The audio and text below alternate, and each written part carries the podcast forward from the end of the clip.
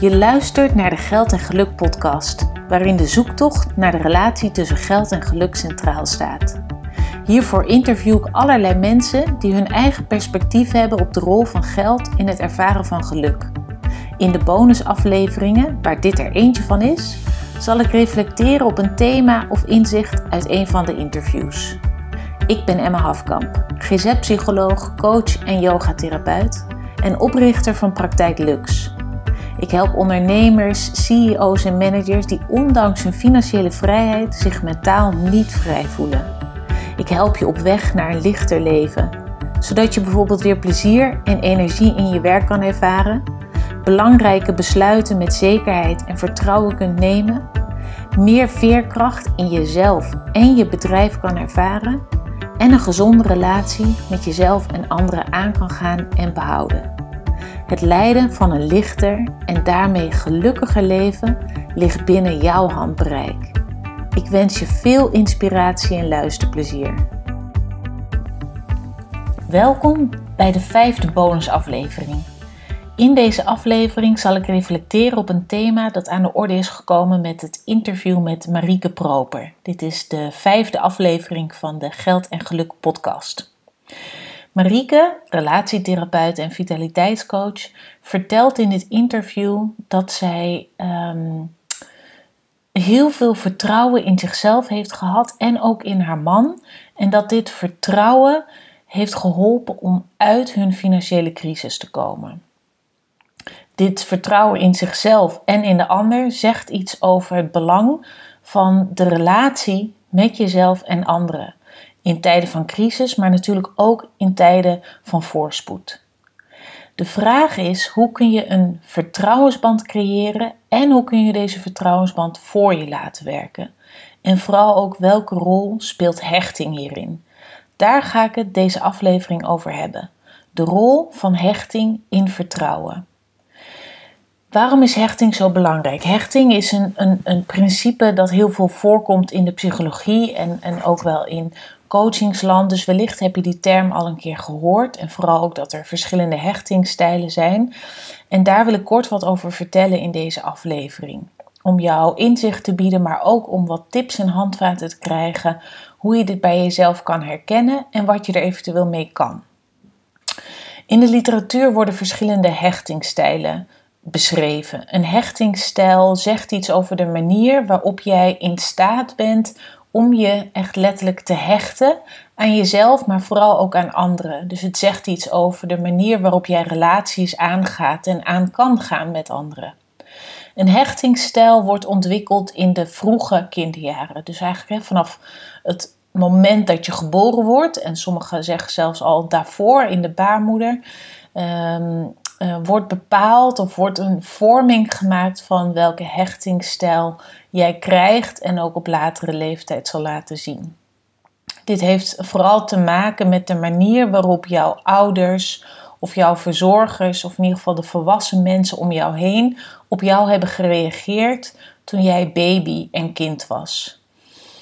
Als er adequaat op je gereageerd wordt, dat wil zeggen uh, jij wordt gezien in jouw behoeftes als baby. Als je huilt, wordt daarop gereageerd en wordt daar bijvoorbeeld uh, actie op ondernomen door te knuffelen, een aanraking of voeding te geven of bescherming. Maar ook als je lacht, dat er terug wordt gelacht. Hè, dus dat er echt op jou wordt gereageerd. Als dat op een adequate manier wordt gedaan, dan is de kans groot dat jij een veilige hechtingsstijl ontwikkelt. Dit betekent dat je in staat bent om ehm, te vertrouwen op jezelf, maar vooral ook te vertrouwen op de aanwezigheid en de aandacht van de ander. Dit noemen we dus een veilige hechtingsstijl. Daartegenover staat de onveilige hechtingsstijl. En in de literatuur en de psychologie worden daar weer allerlei subcategorieën uh, onder gemaakt.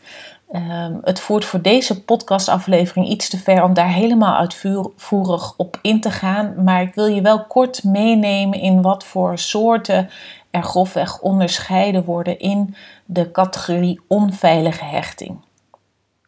Bij onveilige hechting is er in ieder geval in de vroege kinderjaren de sprake geweest van ouders, verzorgers of andere volwassenen die niet adequaat hebben gereageerd op jouw behoeftes als baby. Kortom, als jij huilde en je had wat nodig, zoals voeding of bescherming of aandacht of aanraking, werd hier ofwel helemaal niet op gereageerd, of bijvoorbeeld de ene keer wel en de andere keer niet, waardoor het in ieder geval niet voorspelbaar werd. Of er werd bijvoorbeeld juist overmatig op gereageerd en ook juist dingen aangeboden terwijl je hier helemaal niet om vroeg. Dit kan allerlei verschillende uitwerkingen hebben. Maar de verschillende vormen vallen in ieder geval allemaal onder de categorie onveilige hechting. En dat kan zich uiten in een angstige hechtingsstijl. Dat wil zeggen dat je vooral de neiging hebt om ehm, eh, je angstig te voelen. Door bijvoorbeeld te denken dat anderen jou altijd zullen verlaten. Dat wordt ook wel verlatingsangst genoemd. Um, maar ook dat je uh, niet genoeg vertrouwt op jezelf, dat je dingen zelf aan kan of niet goed alleen kunt zijn. Uh, een ander voorbeeld is de vermijdende hechtingstijl. Uh, dat staat hier een klein beetje tegenover, in de zin van tegenover de angstige hechtingstijl. Mensen met een vermijdende hechtingstijl hebben veel meer de neiging om vooral en alleen op zichzelf te vertrouwen. Dit kan als resultaat hebben dat uh, je het moeilijk vindt om je afhankelijk van anderen op te stellen of anderen dichtbij je te laten. Uh, vandaar de term vermijding. Hè? Dat deze mensen uh, eerder in de vermijding schieten dan in het aanklampende, wat bijvoorbeeld juist weer meer de neiging kan zijn van mensen met een angstige hechtingsstijl. Dan heb je ook nog een meer ambivalente of des georganiseerde uh, uh, hechtingsstijl. En dat kan je echt zien als een mix van de angstige en de vermijdende hechtingsstijl.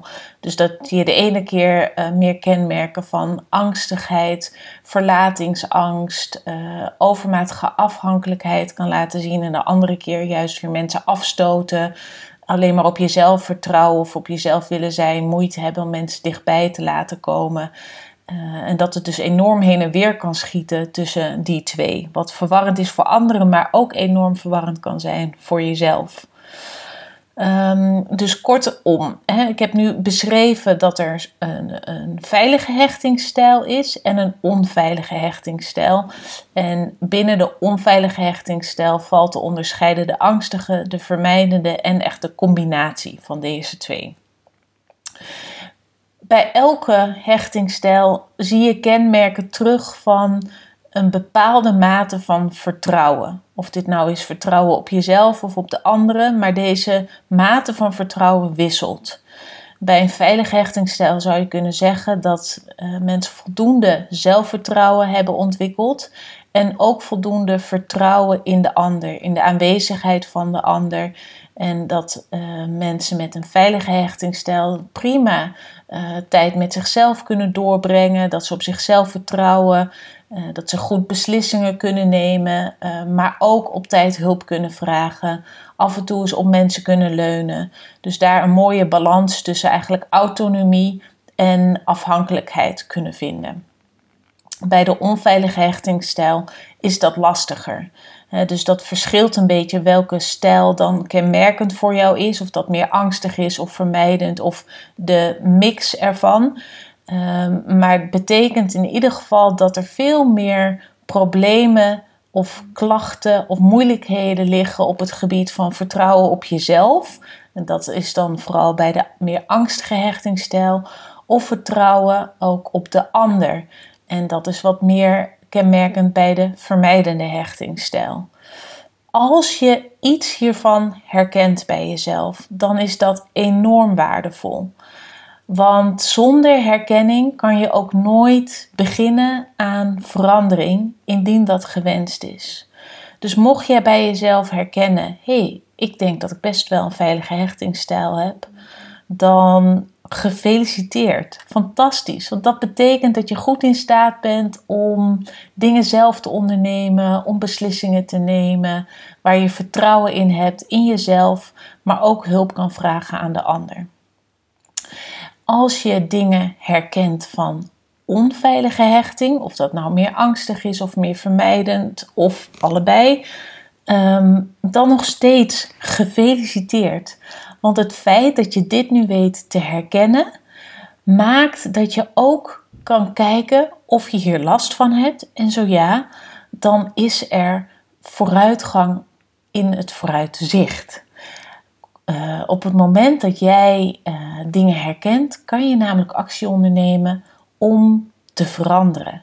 Een hechtingsstijl is niet iets vaststaands. Het is niet zo. Uh, in je jeugd heb je deze stijl ontwikkeld en nu zit je daar voor de rest van je leven mee. Nee, zeker niet.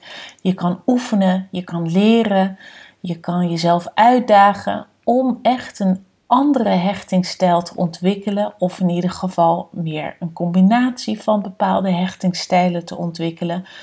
Um, en dat is natuurlijk niet nodig op het moment dat je er geen last van hebt, maar wel nodig op het moment dat het je dwars zit, dat je er problemen door ondervindt. En een tip om meer kenmerken van een veilige hechtingsstijl te krijgen en daarmee dus vertrouwen in jezelf en de ander op te kunnen bouwen, is allereerst door deze podcast na te gaan wat je bij jezelf herkent. Alle verandering begint bij herkenning en erkenning. En op het moment dat je die stap hebt doorlopen, kan je jezelf toestaan om de hechting eigenlijk te herstellen van een onveilige naar een veilige hechting. Door hierover te praten met anderen, of dat nou in therapie is, met een therapeut of een coach, of gewoon met mensen om je heen. Uh, dat is natuurlijk helemaal aan jou. Maar ga erover in gesprek om te kijken hoe jij dingen anders kan gaan aanpakken en anders kan gaan leren. Uh, om dus, zoals ik zei, die hechtingstijl meer in de veilige categorie te krijgen. En om heel concreet alvast iets in deze podcast aan jou mee te geven, zou je in je huidige relaties kunnen gaan beginnen met oefenen. En um, heel vaak zien we in de psychologie dat er geoefend wordt met hoe kan je bepaalde gedachten omvormen, zodat je meer op jezelf leert te vertrouwen en de ander. Um, of hoe kan je in je gedrag dingen anders doen. Maar deze keer wil ik jou een wat andere tip meegeven.